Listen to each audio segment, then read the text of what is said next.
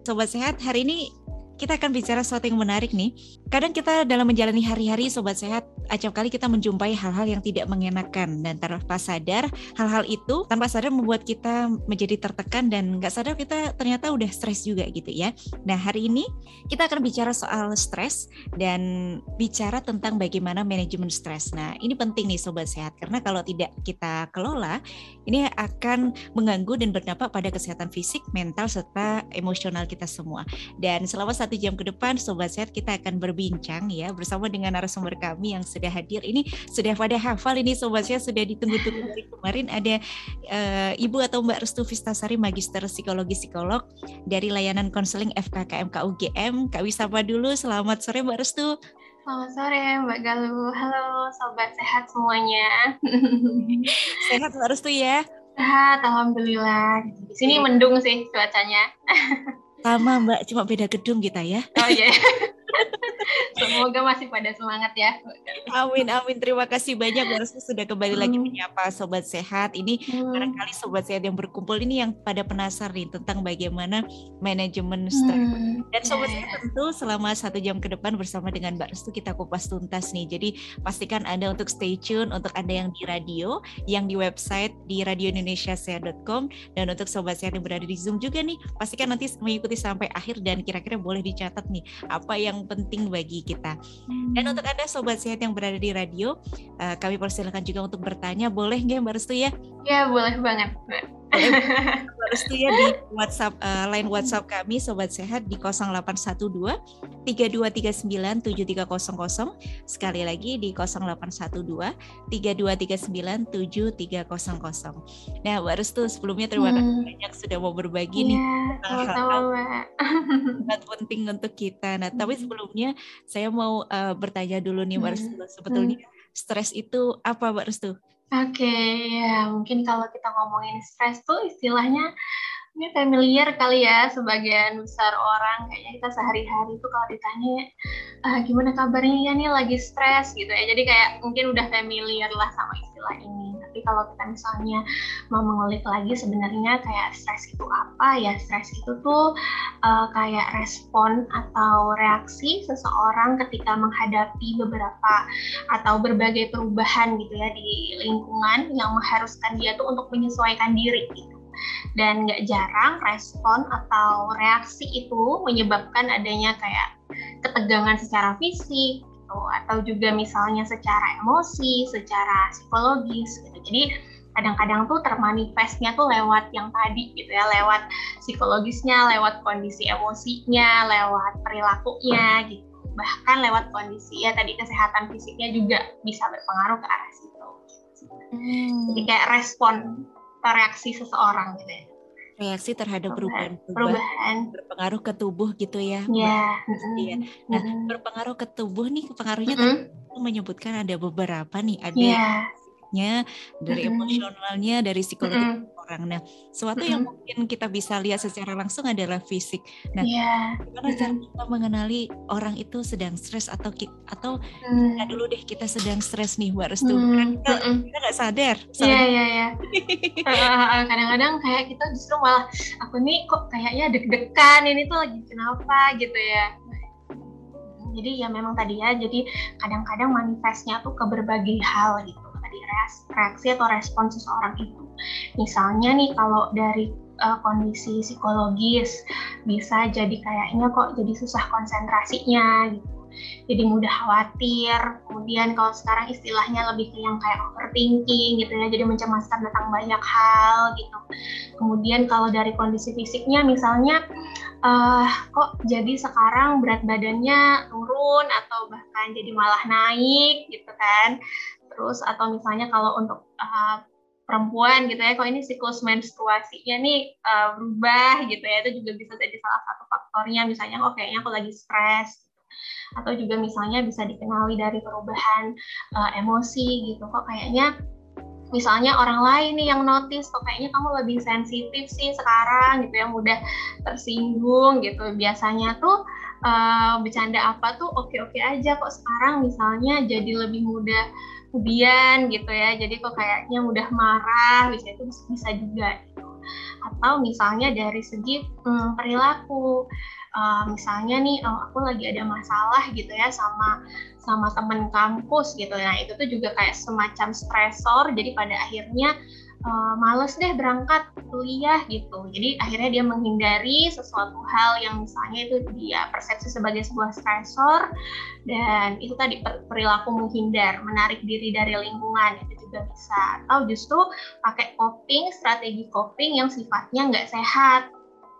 Misalnya jadi kalau yang lebih ekstrem kayak drugs atau misalnya kayak menyakiti diri sendiri, ngerokok dan segala macamnya jadi itu tuh kadang-kadang kita bisa notice oh kalau aku nih uh, lagi dalam kondisi kayak gini nih biasanya aku lagi stres. Atau misalnya peningkatan stimulan gitu ya kok jadi kayaknya minum kopinya malah lebih banyak gitu ya biasanya. Nah itu tuh kadang-kadang setiap orang tuh kayak beda-beda gitu sih mbak Galuh gitu ya. Jadi kayak bisa notice gitu sih Oke, terima kasih. Jadi memang setiap orang beda-beda dan yeah. beberapa minggu lalu nih sobat saya kita juga sudah belajar nih sobat hmm. saya bisa mendengarkan podcastnya Raisa lagi bersama hmm. dengan Mbak Restu nih tentang bagaimana mengenali emosi pada diri sendiri nih yeah. sobat sehat. Hmm. Dan juga sudah belajar juga tentang coping stress juga nih bersama dengan Mbak Dian juga ini ada di sini. Selamat sore Mbak Dian, semoga sehat-sehat ya. nah, Mbak Restu tadi ternyata setiap orang hmm. itu beda-beda dan hmm. uh, kadangkala mm-hmm. kita tiba-tiba terus tadi ada yang disebutkan Mbak Restu kalau kita yeah.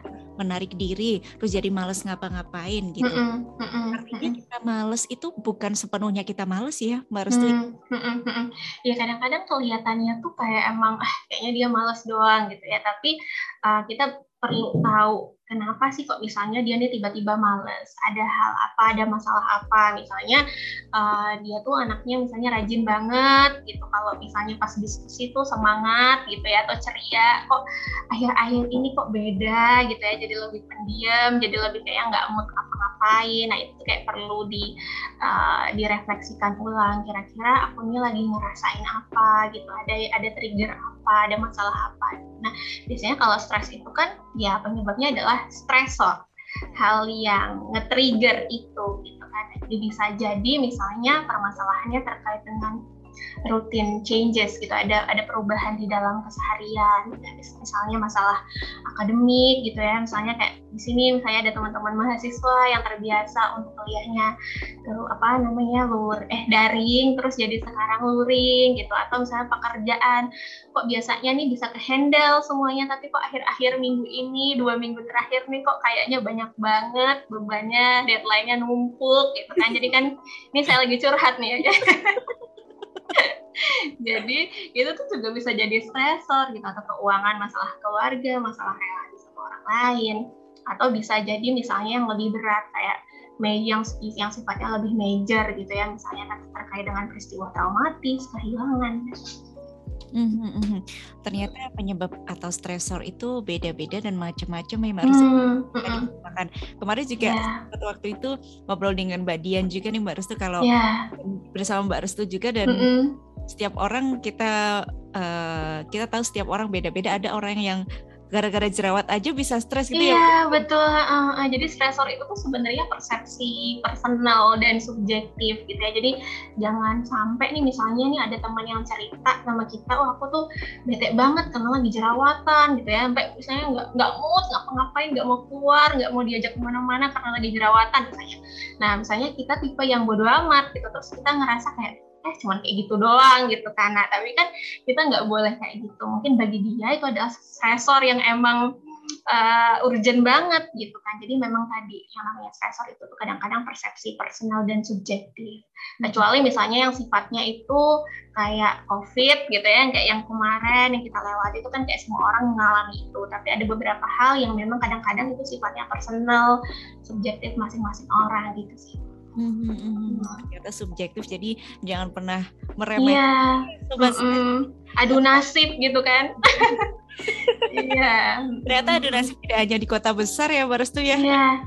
So, kayaknya terjadi di mana pun deh Mbak Galuh terima kasih Mbak Restu penjelasannya dan buat kita okay. lebih aware juga ya Sobat Sehat kalau sekali yeah. lagi ketika kita mengalami sesuatu kita lihat diri kita kira-kira hmm. resornya tuh apa gitu ya Mbak Iya, kita perlu mengenali kira-kira aku tuh begini tuh karena apa nih gitu. Adakah yang salah di beberapa minggu terakhir atau mungkin bisa minta bantuan teman gitu ya kalau misalnya kita nggak bisa notice aku tuh kenapa misalnya gitu. orang-orang terdekat kita. Gitu. Hmm. Oke, okay. baik Mbak Restu. Tadi Mbak Restu mengatakan kalau hmm. stresor itu bisa jadi karena ada situasi yang berubah, ada perubahan di dalam yeah. Tetapi mm -hmm. apakah stres itu bisa terjadi juga Mbak kalau perubahan itu tidak ada perubahan? Jadi sama mm -hmm. terus hari-harinya. Mm -hmm. Bisa Mbak Restu? Iya, jadi itu bisa bisa aja Mbak. Jadi misalnya kan gini, uh, kayak kalau ibaratnya kayak kurva normal gitu ya, Mbak. Kadang-kadang tuh kita merasa bahwa enak ya kalau orang yang nggak pernah ngalamin stres gitu. Yang kayaknya tuh hidupnya tuh nggak ada stresornya, adem-adem aja, nggak ada sesuatu yang challenging, nggak ada sesuatu hal yang baru gitu tapi pernah nggak sih ngerasain kayak misalnya tiap hari itu rasanya sama atau bahkan rebahan kayaknya itu itu aja yang dikerjain sampai ngerasa kok kayaknya gabut banget ya gitu pernah nggak sih mbak? Ngerasa kayak gitu. Karena mungkin awal-awal tuh kayak misalnya rebahannya tuh kayak enak ya. Tapi kok lama-lama saya seminggu dua minggu atau lama-lama tuh rasanya kok cuman gini-gini aja. Nah itu kadang-kadang kan uh, apa ya itu juga bisa bikin stres gitu ya. Tapi kan tadi berarti justru sebenarnya stresor itu tuh tidak sah tidak semata-mata negatif ya. Kalau dalam itu porsi tertentu kita merasa bahwa oh ini tuh sesuatu hal yang baru di dalam hidup aku. Misalnya nih ada beberapa misalnya kalau contohnya mahasiswa karena saya biasanya menghadapi teman-teman mahasiswa ya gitu ya mbak. Misalnya mereka mau presentasi atau mau ikut kompetisi, lomba atau apa pun itu itu kan sesuatu hal yang baru gitu ya, sesuatu hal yang baru dari keseharian.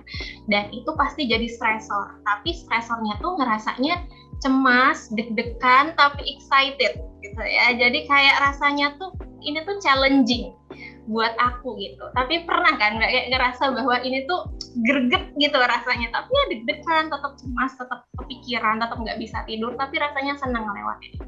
Jadi proses itu tuh justru kita tuh bertumbuh dari sana. Jadi stresor itu tuh tidak sepenuhnya terus gimana caranya biar kita nggak stres gitu ya enggak tapi emang normalnya manusia itu selalu kayaknya setiap hari itu ada aja yang bikin kita stres gitu sih tapi tergantung kalau misalnya itu udah overload banget itu kan jadi ke ekstrim kanan ya tadi kalau ya ekstrim kiri ke ekstrim kanan yang bisa sampai burn out sampai yang tadi efek-efek negatifnya tadi Mm -hmm, Menarik Mbak Restu ternyata stres mm. ini jadi kita jadi tahu nih ya sobat sehat bahwa stres mm. konotasinya tidak hanya yeah. negatif mm. bisa jadi untuk positif dan untuk membuat kita bertumbuh, bertumbuh ya. Bertumbuh ya betul. Nah, stres yang kiranya stres yang seperti apa nih Mbak Restu? Mungkin kita mm. uh, uh, bedakan nih sobat saya juga mungkin saya juga jadi yeah. Mbak Restu stres mm. seperti apa yang kiranya stres itu membuat kita tumbuh, mm-hmm. maka stres yang harus kita waspadai sehingga kita harus minta pertolongan. Oke. Okay. untuk teman-teman mahasiswa nih ya yang banyak mm. adaptasi mm-hmm. teman-teman mahasiswa juga mm-hmm. banyak mm-hmm. yang matengin di radio nih semoga mm-hmm. ini juga menjadi tantangan okay. juga. Monggo yeah. mm-hmm. Jadi misalnya kita ketika kita lagi dalam kondisi yang biasanya kan tadi ya manifestnya tuh adalah ke perilaku. Misalnya kok kayak aku tuh deg-degan. Itulah kenapa kadang-kadang tuh kita perlu notice dulu untuk me, apa ya, melakukan managing stress itu tuh manajemen stress itu ketika kita kita perlu notice bahwa aku tuh kalau lagi dalam kondisi stres tuh biasanya dalam yang kayak gimana? Misalnya jadi deg-degan jadi keringet dingin atau jadi kepikiran. Baru kita berpikir bahwa sebenarnya yang aku hadapin tuh apa sih? Misalnya oh, aku besok mau presentasi.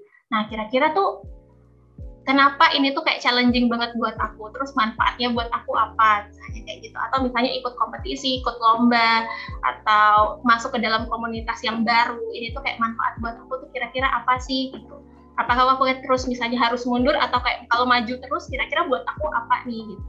Nah kalau kondisi yang stres itu kan sebenarnya ketika kita lagi dalam kondisi stres kan respon tubuh tuh mengeluarkan hormon adrenalin dan kortisol gitu ya mbak. Nah kadang-kadang kita memilih untuk fight or flight gitu. Nah biasanya kalau triggernya tuh udah berlalu, misalnya nih presentasinya udah berlalu, udah lewat, biasanya tuh dia akan balik normal untuk masa relax. Nah that's why itu tuh kadang-kadang kita perlu refleksi. Kira-kira tadi tuh yang aku alamin tuh apa sih? Oh tadi udah presentasi atau oh tadi udah ikut lomba apa gitu. Nah kira-kira manfaatnya buat aku apa? Tadi yang ditakutin tuh kejadian atau enggak? Gitu. Jadi oh ternyata tadi tuh aku tuh bisa nih berhasil presentasinya meskipun kok kayaknya masih ada yang kurang tapi setidaknya aku udah berani. Wah ini udah memasuki langkah pertama untuk keberanian aku misalnya. Nah tapi kalau misalnya stresor itu tuh kita ngerasa misalnya nih kalau itu sifatnya udah kronis gitu kronis itu kan berarti udah berlangsung lama kadang-kadang uh, kita nggak bisa menghindari itu. Misalnya contohnya berada di dalam hubungan yang tidak sehat gitu ya. Kalau istilah sekarang itu toxic relationship gitu ya. Nah itu tuh kadang-kadang kita nggak bisa escape di dalam situasi itu yang stresornya tuh terus menerus kita hadapin, ketemunya juga sama orang yang itu jadi stresor buat kita. Nah kadang-kadang itu sampai menurunkan well-being, persepsi sama diri kita, self image kita gitu-gitu. Karena itu tuh juga bisa perlu dievaluasi lagi. Nah kadang-kadang kalaupun kita nggak bisa menilai itu tuh ini tuh baik apa enggak berarti kan kita dengan cerita sama orang lain dengan cerita dengan sahabat sendiri atau orang terdekat kita kayak kita perlu tahu aku tuh ngalamin kayak gini aku tuh takut presentasi atau aku tuh kok nggak nyaman ketika berteman dengan dia atau menjalin relasi dengan orang itu menurutmu gimana? Kamu ngelihat aku tuh kesehariannya tuh kayak gimana? Gitu. Jadi kayak kita bisa menilai bahwa sebenarnya ini tuh baik atau enggak buat aku gitu Hmm. Tapi kan yang yang penting tuh adalah ketika stressor itu tuh bikin kita bertumbuh di situ. Hmm. Iya. Yeah. Berkembang dan bertumbuh. Jadi kembali lagi Mbak Restu menanyakan kembali tadi seperti yang disampaikan Mbak Restu nih sobat sehat bahwa perlu menanyakan kembali manfaatnya apa untuk kita terus uh, refleksi refleksi itu dan kalau kita kesulitan kita boleh meminta pendapat orang lain karena kadang kita yeah. diri kita tuh kabur gitu ya Mbak Restu. Yeah. kita melihat diri kita kadang kita dikuasai oleh pikiran-pikiran atau ya betul. Kadang yeah, kita perlu butuhan butuh bantuan orang lain. Ini seperti peribahasa ya Mbak Restu kalau gajah di Oh oke okay. dipeluk dipeluk tak tampak. kalau mengambil jarak dari jauh jadi jauh kelihatan. Dan sobat yeah. sehat ini juga uh, di layanan konseling FKKMK UGM juga menyediakan layanan juga. Iya. Mm -hmm. Jadi uh, kalau di sini itu kalau di teman-teman FKKMK nih ya khususnya, jadi ada psikolognya di sini dua orang gitu ya. Ada saya sama Mbak Mbak Astuti, Mbak Astuti Dian Lestari gitu ya. Terus di sini juga kalau misalnya kok kayaknya masih takut kalau mau ke psikolog gitu ya, udah berarti ada teman-teman kakak-kakak peer counselor gitu ya yang eh, di teman baik KKMK jadi yang bisa nemenin atau bisa jadi teman curhatnya gitu ya kalau anak-anak mahasiswa. Hmm, nah, jadi jangan ragu-ragu nih sobat sehat kiranya sudah uh, menjumpai yang tadi sudah hmm. disebutkan oleh Mbak Restu demotivasi lalu hmm. juga fisik, emosional, uh, yeah. boleh nanti mampir ke layanan konseling FKKMK. Judulnya hmm. main-main hmm. gitu ya, Mbak Iya, yeah, boleh main-main. Kalau kayak konseling itu kan takut ya saya ada yang beberapa kayak gitu ya. nah harus tuh kalau kalau teman-teman yang mahasiswa baru yang S2 nih apa boleh harus tuh ke sini main-main ke layanan konseling FKKMK UGM boleh boleh banget. Jadi itu tuh uh, jadi layanan psikologi itu uh, sebenarnya dikhususkan untuk mahasiswa dari berbagai jenjang gitu sih hmm. uh, jadi bisa dari S1 profesi mahasiswa magister juga uh, PPDS gitu ya. Itu sampai S3 juga Oh iya. Hmm, jadi, Jadi emang khusus mahasiswa. Nah nih sobat sehat ya yang dengerin di radio jangan ragu kita langsung uh, kontak hmm. saja di layanan konseling FKKM hmm. ada website dan juga Instagramnya ya Mbak Restu ya. Uh, uh, kalau mau daftar ini lewat Gamel sih. Hmm. Gamel. Jadi Gajah Mada Medical Learning. Ada Gamel FK FK UGM gitu. Udah ketik aja kan nanti di situ ada kayak diminta untuk ngisi form sama milih jadwal. Kalau emang kayaknya bingung ya udah WA aja ke konseling gitu ya buat tanya-tanya gimana cara daftar. Oke siap, terima kasih Mbak Restu. Ya Mbak Restu kita tadi hmm. bicara soal stres nih. Ya. Hmm. Dan uh, sesuai dengan judulnya hari ini, mm -hmm. kalau hari ini kita akan belajar bagaimana manajemen stres. Tapi yeah. tadi kita udah bicara stres, ada yang positif, ada yang yeah. Negatif. negatif. Lalu pentingnya apa Mbak Resu untuk kita bisa kita uh, memanage stres pada nah. diri? Oke, okay, oke. Okay. Uh, Jadi memang ini ya Mbak, kalau misalnya stres itu kan adalah hal yang normal sebenarnya di di kehidupan kita gitu. Even misalnya ini kayak ngezoom gini kok kayaknya blur ini kameranya gitu. Nggak bisa pakai background ini ada stressor juga gitu ya. Jadi hal-hal kecil kayak gitu tuh aja stressor. Nah tapi gimana caranya kita perlu memanage itu tuh ya biar tidak berlarut-larut gitu. Nah jadi kan misalnya nih kalau itu tuh terus menerus dan kita nggak apa ya memanage itu kan itu nanti efeknya tadi bisa bisa semakin parah gitu ya dan karena kita nggak notice di situ. That's emang kita penting banget untuk mengeksplor yang namanya strategi coping gitu ya. Jadi karena kan ini ya mungkin kalau di podcast yang pertama gitu ya kita ngomongin soal kesehatan mental salah satu orang yang sehat mental eh salah satu kriteria orang yang sehat mental itu adalah ketika dia bisa mengatasi permasalahan sehari-harinya jadi dia punya coping stress yang bagus gitu resource-nya gitu ada banyak referensi strategi coping jadi dia tuh nggak stuck di satu, di satu aja gitu jadi memang biar meregulasi biar biar tahu cara menghadapi permasalahan sehari-harinya gitu biar mental sehat mental gitu. Oke. Okay. Mm-hmm. larut dan semakin uh, bisa mm bisa apakah bisa dibilang semakin bisa fasih dalam menghadapi stres-stres ke depan? Kalau semakin dewasa yeah. banyak permasalahan ya Mbak Restu ya iya Mbak. Jadi kan misalnya nih waktu misalnya zaman SMA atau ada masalah PR dan segala macam bisa dengan oh kopinya nonton atau segala atau apa gitu ya. Tuh tapi kok pas kuliah nih udah nggak mempan coping yang sebelumnya gitu kan. Jadi bukan yang terus ah emang udah emang kayaknya salah dosennya nih, salah teman-teman aku nih, enggak. Tapi lebih ke yang oke, okay, yang kemarin udah nggak bisa. Sekarang berarti karena ini bebannya udah meningkat, udah banyak, jadi kayaknya aku perlu explore coping yang lebih lagi, yang lain lagi tuh apa. Jadi kan ini meningkatkan kemampuan kita gitu ya, Mbak ya, dalam menghadapi permasalahan sehari-hari gitu. Jadi kita tuh punya growth mindset gitu. Jadi bukan yang fix mindset, bukan yang aku emang begitu orangnya, tapi yang oke okay, dalam kondisi kayak gini terus aku harus apa yang kayak gitu. Hmm. Harus growth mindset nih ya sobat sehat harus tertanam pada diri kita nih. Hmm, hmm, hmm. Aku tuh orangnya gini makanya. Iya kan biasanya kayak gitu kan. Aku emang kayak gini orangnya gitu. Dan kita dijadikan alasan nih. Iya. Tapi kalau sobat sehat kayaknya nggak nggak kayak gitu, Mbak Restu. Iya, iya betul. Kalau yang di sini kayaknya enggak kayak gitu. nah, sobat sehat, kita masih akan ngobrol sampai dengan hmm. jam Anda juga boleh sekali lagi saya ingatkan hmm. untuk mengajukan pertanyaannya yang di radio hmm. dicatat ya. Mungkin ada yang nge-save juga sudah di 0812 tiga dua tiga sembilan tujuh tiga kosong dan untuk sobat sehat yang di zoom boleh nih langsung raise hand atau dituliskan di kolom chat di bawah yeah yang di website juga langsung ke WhatsApp saja. Nah ternyata penting ya Mbak Restu untuk kita bisa uh, memanajemen hmm. uh, diri kita dari stres hmm. menuju yang sehat mental itu tadi. Yeah. nah Mbak Restu mungkin boleh saya uh, ke satu pertanyaan dulu ya ini. Boleh boleh silakan. Ada Mbak Nadatia, selamat sore. Sore Mbak Restu dan Mbak Galuh ingin bertanya. Hmm. Teman saya saat ini stres karena tugasnya yang menumpuk dan dia sering overthinking dan hmm. ada juga yang mensnya jadi tidak teratur. Hmm. Okay. Apakah ada yang perlu diwaspadai dari ciri-ciri di atas untuk mendapatkan bantuan, terima kasih. Ini tadi sudah sedikit dijelaskan oleh okay. Mbak. Monggo Mbak Restu kalau mau menambahkan.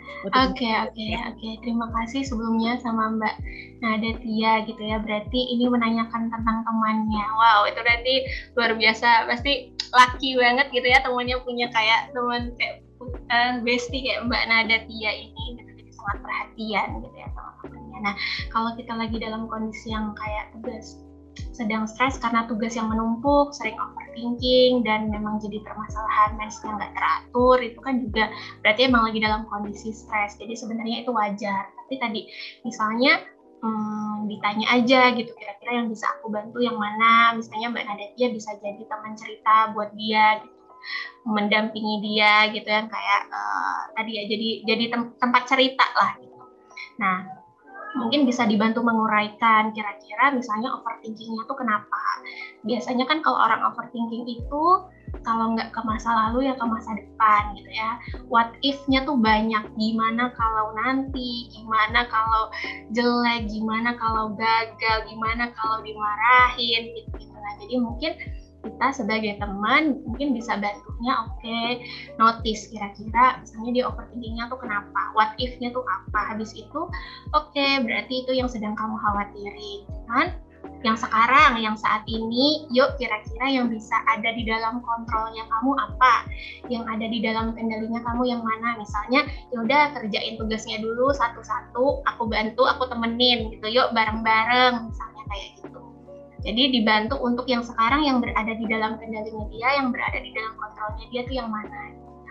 Tapi kalau misalnya ini tuh sudah berlangsung terus-menerus, triggernya udah lewat, tapi responnya masih kayak gitu gitu ya. Misalnya nih ada satu tugas kuliah yang mata kuliah yang ini susah banget ya. Jadi emang kayak eh udah pusing banget gitu ya. Nah tapi kalau misalnya tugasnya nih udah berkurang atau atau bahkan misalnya pas liburan udah udah lewat stresornya tapi kok kayaknya masih menetap responnya masih kayak gitu berarti memang oh kayaknya udah butuh bantuan. Kalau misalnya anak FKKMK bisa konseling atau misalnya kalau di UGM kan um, bisa di DMC atau di ada di tim Ditmawa gitu ya kalau yang gratis kalau yang di UKP itu juga bisa di UKP Fakultas Psikologi tapi berbayar atau juga bisa di puskesmas sekarang tuh udah ada psikolognya gitu ya gitu jadi gitu sih jadi misalnya di, di notice bahwa ketika triggernya tuh udah lewat eh, fase-fase stres itu udah lewat apakah masih menetap atau enggak gejala-gejalanya Mm-hmm. Gitu sih Mbak Nada. Mbak Nada, terima kasih. Terima kasih. Sudah sangat care sama temennya. Ini baik banget nih ya Mbak Nada. Iya. terima kasih Mbak Nada. Semoga hmm. bisa membantu Mbak Nada hmm. temannya Mbak hmm. Ini ya. Dan baik sobat sehat juga nih. Terima kasih banyak sudah selalu care dengan sekitar Anda. Hmm. Lalu menanyakan uh, keadaan teman-teman Anda dan peduli. Terima kasih banyak. Jadi penasaran nih. Lalu stres hmm. bisakah diobati atau hmm. dikurangi? Oke okay, oke. Okay. Kalau stres itu kan sebenarnya hmm, bisa dikelola gitu ya, di manage gitu. Jadi uh, mungkin hal yang bisa kita lakukan adalah tadi misalnya kita perlu mengenali. Biasanya aku tuh kalau lagi dalam kondisi kayak gimana gitu yang dalam yang memicu dalam kondisi stres gitu apakah misalnya kan setiap orang kan beda-beda ya mbak? Atau misalnya yang itu hubungannya relasinya dengan orang lain atau yang terkait akademik atau yang pekerjaan gitu. Terus kita juga perlu notice biasanya kalau aku dalam kondisi stres itu uh, kondisi fisik aku tuh kayak gimana ada nggak perubahan dari fisiknya atau dari emosi dan segala macamnya gitu. Nah terus habis itu kita juga perlu mengembangkan strategi copingnya. Kita bisa mereview ulang. Biasanya kemarin-kemarin aku tuh pernah nggak punya pengalaman atau permasalahan yang hampir mirip dengan ini kalau misalnya dulu tuh juga pernah sih mungkin nggak sama persis tapi ya sama-sama soal akademik atau sama-sama soal permasalahan ada permasalahan sama temen permasalahan sama rekan kerja. Nah pada saat itu kira-kira aku ngatasinnya kayak gimana? Coping yang aku pakai selama ini uh, dalam mengatasi stres itu gimana gitu Nah, terus kita bisa uh, menerapkan itu misalnya dengan yang sekarang, kira-kira masih efektif atau enggak, masih bisa dilakukan atau enggak. Nah, kalau enggak, berarti kan kita perlu mengembangkan, memperkaya lagi resource atau, atau referensi-referensi strategi coping kita. Jadi itu kan misalnya uh, mungkin di sini sobat sehat sudah cukup familiar, mungkin beberapa familiar dengan istilah emotion, fokus coping gitu ya, sama problem, fokus coping. Nah dua hal ini tuh sebenarnya tidak ada yang mana yang lebih penting, mana yang lebih dulu, enggak. Tapi misalnya tadi kayak uh, kalau katanya Mbak Galuh gitu ya, ketika kita lagi dalam kondisi stres itu rasanya uh, emo emosinya tuh overwhelm atau mungkin lagi nggak bisa diajak mikir gitu atau misalnya gejala fisiknya tuh lebih dominan deg-degannya pusing kepala gitu ya gemeteran misalnya gitu jadi gejala fisiknya tuh kayak do dominan nah pas dalam kondisi kayak gitu berarti kan kita nggak bisa pakai problem fokus coping. Kalau problem fokus coping itu lebih ke yang oke okay, terus ada masalah ini aku harus apa misalnya. Nah kalau emotion fokus coping itu lebih ke uh, nurunin tensionnya dulu, lebih ke emosinya dulu. Nah, jadi misalnya kalau ketika tadi yang menonjol itu adalah gejala fisiknya atau misalnya pikirannya tuh banyak negatif thought-nya dan kita belum bisa mengelola itu belum bisa diajak mikir kalau pada saat itu jadi yang perlu kita lakukan adalah emotion focus coping dulu nah emotion focus coping tuh sebenarnya ada banyak gitu ya contohnya salah satunya mungkin uh, mindfulness gitu ya. Mindfulness itu kayaknya ada di salah satu podcastnya Raisa gitu. Mungkin di sini sobat sehat bisa scroll gitu ya di Spotify. Ada podcast terkait dengan mindfulness di sana gitu. Nah salah satu teknik uh, mindfulness itu adalah hmm, teknik relaksasi gitu ya. Rasa sederhana ini tuh ter, terdengar sederhana tapi sebenarnya kadang-kadang rumit gitu ya. Menyadari nafas gitu jadi misalnya ketika kita lagi dalam kondisi yang stres banget, terus kita notice kok kayaknya aku deg-degan atau misalnya tremor gitu ya sampai sedikitnya gitu. Jadi mungkin kita bisa tadi menerapkan teknik relaksasi dulu sekedar misalnya duduk di sofa pindah situasinya gitu ya duduk bersandar gitu nggak usah nggak usah dulu mikirin ini gimana solusi dari permasalahan ini gimana caranya berdamai dengan si dia misalnya atau menyelesaikan tugas yang menumpuk ini. Tapi aku misalnya fokus dulu menurunkan tensionnya. Misalnya yang tadinya tinggi 10 sekarang at least 7 atau at least 6 at least bisa diajak mikir gitu ya. Nah jadi uh, tadi misalnya kita duduk sandaran bisa tarik nafas dulu misalnya dipegang gitu ya di, di dadanya gitu ya. Terus kita sadari bahwa oh ritme detak jantung aku ini cepat banget jadi kita fokusnya lebih ke oke okay, aku ngatur nafasnya dulu sampai ditungguin sampai detak jantungnya mungkin udah oke okay, gitu ya baru baru nanti bisa ditanya kira-kira yang dirasain yang bikin kepikiran tuh apa yang bikin jadi stres tuh apa gitu itu juga bisa. Jadi tarik nafas buang nafas terus sampai misalnya balik normal lagi gitu ya detak jantungnya atau misalnya uh, aduh aku kamu kepikiran sama skripsi nih gitu. Habis dari ketemu sama dosen pembimbing tapi belum di ACC ACC gitu ya. Jadi aku lagi oh, aku lagi nggak mood untuk tiba-tiba buka lagi draft skripsinya. Lah kayak jadi pusing gitu ya. Kalau problem fokus coping kan gitu. Jadi lebih ke yang oke okay, yang mana dire yang mana perlu direvisi dikerjain. Nah tapi kadang-kadang kalau kita lagi pusing lagi dalam kondisi kayak itu udah nggak bisa diajak mikir. Jadi oke okay, kira-kira ya udah aku perlu ini aja dulu deh cerita misalnya sama teman. Mm-hmm. atau misalnya sesimpel pulang nanti aku mau makan apa ya? Gitu makanan favorit aku. Jadi kita tuh kayak perlu punya mood booster list gitu. Mm-hmm. hal-hal sederhana yang membuat kamu happy yang at least membuatmu menjadi lebih baik jadi emotion focus coping ini tidak menyelesaikan masalahnya, hmm. tapi membuatmu lebih baik kondisinya, psikologisnya. Jadi baru bisa diajak, oke, okay, tadi kenapa? Lagi kepikiran apa dalam kondisi kayak gini? Perlu apa? Even ketika pengen nangis pun nggak apa-apa itu juga salah satu kita merilis emosi misalnya lagi kesel sebel banget ini kok kayak nggak kelar-kelar gitu ya skripsinya atau penelitiannya gitu. Nggak apa-apa kalau mau nangis dulu nggak apa-apa. Nangis dulu sampai lega gitu ya baru habis itu udah lega misalnya udah tidur misalnya bangun-bangun kayaknya udah cukup oke okay, kondisinya baru tadi ya lebih ke apa yang perlu dikerjain Lalu yang kedua misalnya kayak problem fokus copingnya, baru misalnya yang tadi tuh kenapa, terus oke okay, kalau misalnya dalam konteks ini misalnya skripsi, oke okay, yang tadi tuh belum di ACC nih, terus yang perlu direvisi yang di bagian mana, kalau misalnya nggak tahu kayaknya aku perlu minta bantuan sama teman, diskusi sama teman, nah yang kayak gitu-gitu adalah langsung ke problemnya gitu ya, solusi problem solvingnya yang mana nih gitu. gitu. Tapi kadang-kadang kita perlu lewat emotion fokus coping dulu. Oke, Mbak Restu terima kasih. Jadi ada dua hal ya nih sobat mm -hmm. ada dua yang mungkin mm -hmm. yang didahulukan yang mana sepertinya tergantung tergantung kondisi, kondisi betul. Mm-hmm. Ada yang pertama tadi ya sobat sehat ada problem fokus uh, coping dan juga emotional fo focus coping. Dan kalau misalkan uh, problem itu kita langsung memilah mana yang harus dikerjakan dulu mana nih masalahnya apa gitu. Dijelaskan. Dan kalau emosional ketika kita habis uh, me menghadapi kejadian tertentu lalu kita menenangkan diri dulu. Iya, iya. Saran Mbak Restu tadi ya sobat mm. dengan kita mengatur nafas bukan berarti langsung skripsinya langsung selesai itu ya enggak ya Mbak? Enggak, tetap tetap ada, tetap harus dikerjain gitu tapi setidaknya kita udah mulai oke, okay, udah mulai stabil gitu kondisinya gitu. Udah nggak deg-degan lagi, maksudnya tuh udah tremornya tuh udah berkurang gitu. Jadi udah mulai bisa be diajak berpikir jernih gitu. Oke okay, mana nih yang perlu dikerjain? Yang mana duluan? Referensi referensi mana yang kurang? Kayak gitu gitu misalnya.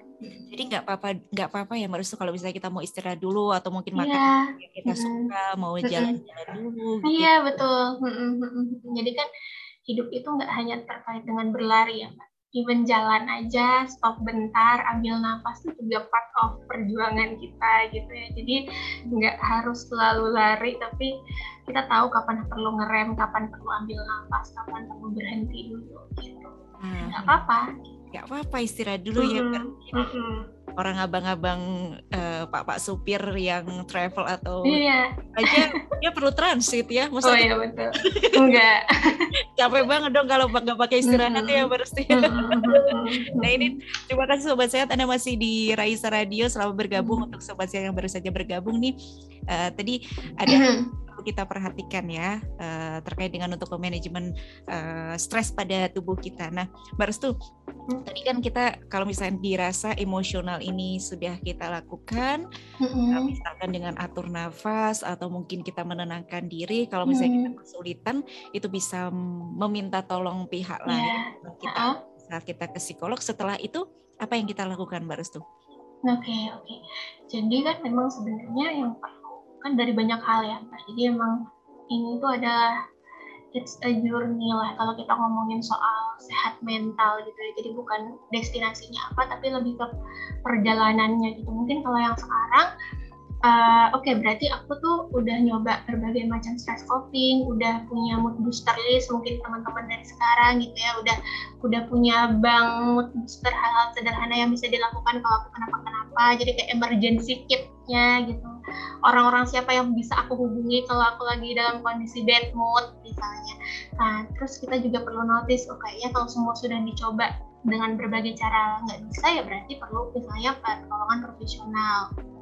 Nah di sana kan kita perlu di berproses gitu ya, karena kalau konseling itu nggak kadang-kadang ada yang cuma bisa satu kali atau ada yang perlu berkali-kali gitu. Nah, uh, dan kita kan misalnya di, di dalam proses konseling itu misalnya psikolognya atau bahkan psikiaternya kalau misalnya sampai bisa ke psikiater ya diikutin kooperatif gitu yang uh, ada hal-hal yang bisa bisa dilakukan, bisa dilatih gitu. Nah, itu semua tuh kadang-kadang tuh tetap hmm, terus tidak menjamin kita jadi terbebas dari stres enggak, tapi tadi misalnya setidaknya kita bisa tahu apa yang bisa kita lakuin gitu ya. Mungkin nanti setelah konseling atau bahkan saya sama psikiater atau setelah curhat sama teman setelah melakukan banyak hal oke okay, aku udah baik lagi nih gitu. karena juga triggernya misalnya udah lewat udah udah apa, apa lingkungan juga mendukung. Tapi akan ada juga kemungkinan lagi untuk ketemu sama stresor yang beda lagi gitu ya. Tapi kita akan bisa aja kesandung lagi dan ya nggak apa-apa gitu kan. Kayak perjalanan tuh akan kayak gitu terus. Nah, yang penting kita tuh nggak berhenti, tetap tahu bahwa oke okay, uh, eh, aku dalam kondisi kayak gini harus apa, kapasitas aku sudah sampai mana gitu. Kalau ini sudah nggak bisa aku lakukan, aku perlu minta bantuan sama orang lain. Hmm. Iya, terima kasih Mbak Restu penjelasannya lengkap hmm. sekali dan tadi yang menarik adalah Mbak Restu mengatakan kalau kita sudah punya stock list nih, kita punya yeah. nih. Hmm. Dan ternyata nih mungkin ini hal-hal yang mungkin kadang kita lupa lakukan untuk hmm. memiliki cadangan atau list kiranya hobi apa yang bisa kita yeah. lakukan pada saat kita lagi jenuh, pada saat kita lagi stres. Lalu siapa-siapa saja teman-teman kita yang menerima diri kita bisa yeah. Nine one one istilahnya nine one one nya aku siapa nih gitu.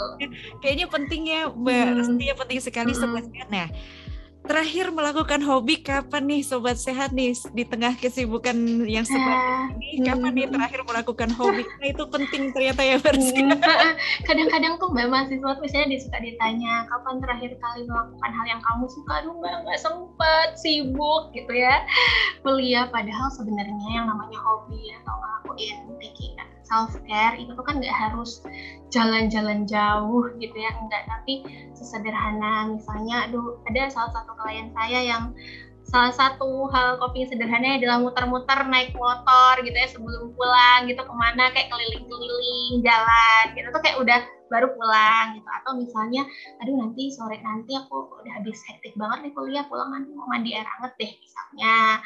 Atau oh, nanti aku memasak ini deh waktu weekend misalnya kayak gitu. Jadi hal-hal yang sederhana yang bikin happy aja atau misalnya pulang kuliah aku mau mampir beli ini jajan yang aku suka deh jadi hal-hal kayak gitu tuh nggak nggak harus yang sifatnya gede banget gitu yang nggak harus traveling jalan-jalan. Itu juga termasuk tapi kalau nggak ada waktu ya apa nih gitu yang bisa ya. dilakuin? Kalau nggak ada waktu dan yang paling penting kalau nggak ada uang ya jangan iya betul.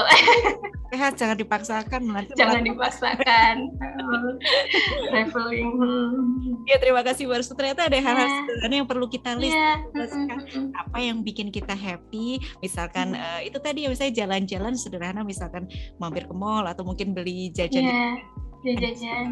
makanan yang terakhir anda suka. Apa nih sobat sehat? Kan biasanya di kantor atau di kampus kan makanannya pesannya bareng-bareng sama teman-teman nih ngikut deh yeah. makanan. mm -mm, mm -mm. apa nih terakhir kita yeah, makan? betul betul.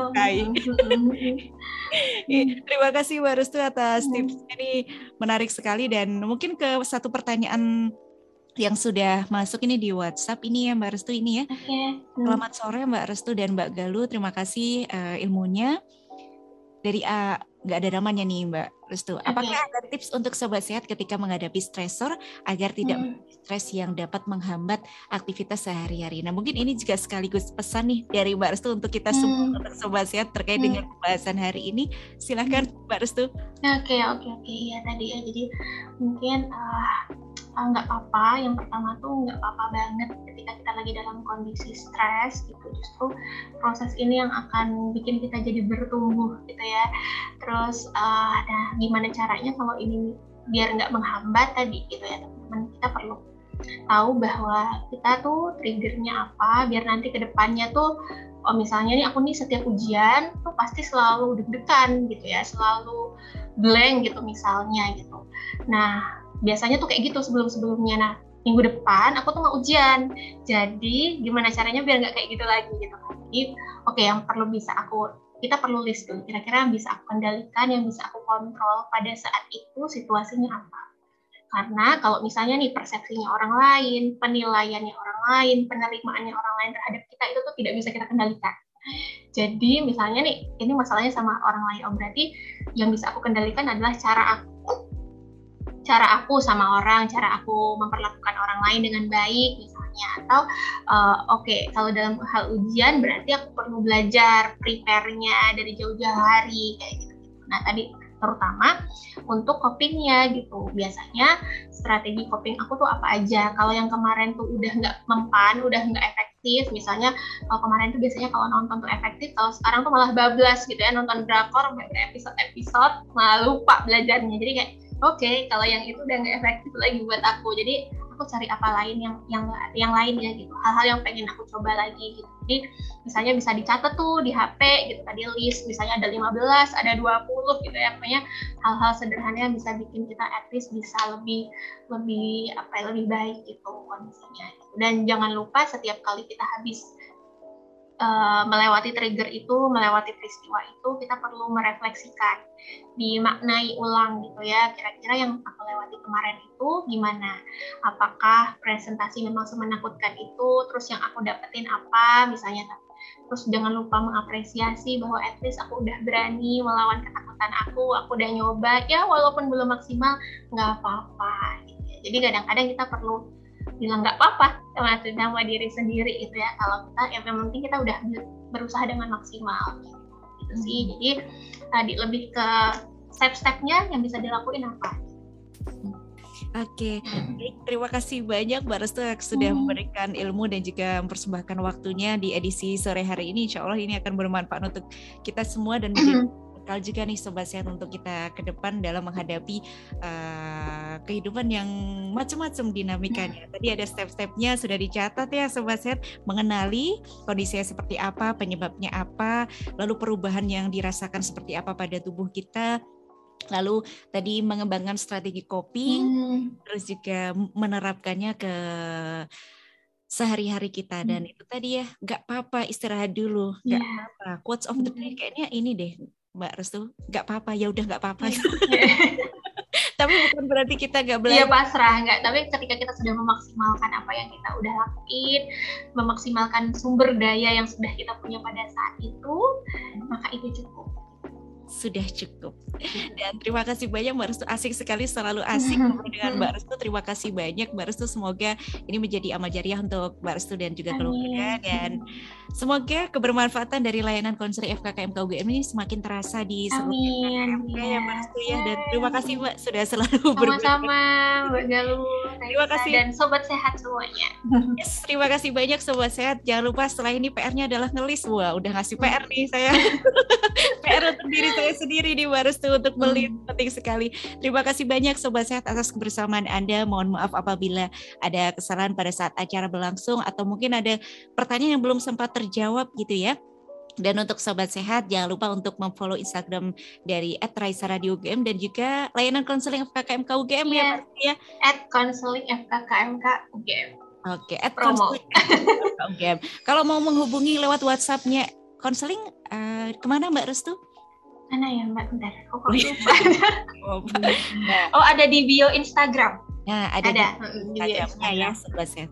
Sekali lagi di @konseling_fkkmk. FKKMK UGM disambung dan kita bisa mengikuti kegiatan kegiatan-kegiatan dan juga event-event yang dilaksanakan oleh konseling FKKM KUGM dan insya Allah bermanfaat untuk kita. Terima ya. kasih banyak Mbak Restu. Salam, Sama-sama. Salam untuk uh, rekan-rekan di konseling FKKM ya. KUGM dan sobat sehat. Terima kasih banyak atas kebersamaan Anda yang di Zoom, yang di radio maupun di website. Uh, selamat beristirahat dan hati-hati di jalan di sore hari ini. Saya Galuh pamit undur diri. Mohon maaf apabila ada kesalahan. Terima kasih kami pamit ya Mbak Restu ya. Terima kasih banyak Sobat Sehat. Wassalamualaikum warahmatullahi wabarakatuh.